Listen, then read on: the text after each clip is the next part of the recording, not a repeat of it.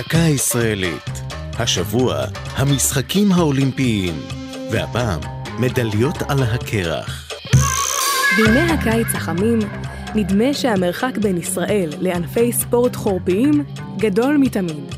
למרות זאת, זה 27 שנה שאנחנו משתתפים בגאון במשחקי החורף האולימפיים, כשאת הריצה, השחייה וההתעמלות מחליפים החלקה על הקרח, סקי והוקי.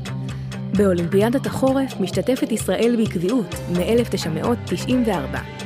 הראשון שהניף את דגל ישראל בזירת הקרח היה מיכאל שמרקין, שהגיע למקום השישה עשר בהחלקה אומנותית. מאז גדלה המשלחת וספורטאי ישראל החלו להתבלט בתחרות הזוגות בריקוד על קרח. הצמד גלית חייט וסרגי סחנובסקי דורגו במקום השישי במשחקי סולט לייק סיטי ב-2002, ועוד זוגות זכו בהישגים מרשימים בתחרויות הבאות. באולימפיאדת החורף בפיונג צ'אנג, דרום קוריאה, ב-2018, השתתפו עשרה ספורטאים ישראלים שהתחרו בהחלקה אומנותית, החלקה מהירה בזמן קצר, סקי אלפיני וסקלטון, מעין מזחלת מהירה. משחקי החורף האולימפיים הבאים יתארחו בסין, בבייג'ינג הבירה, בעוד כשנה וחצי. זו הייתה דקה ישראלית על המשחקים האולימפיים ומדליות על הקרח.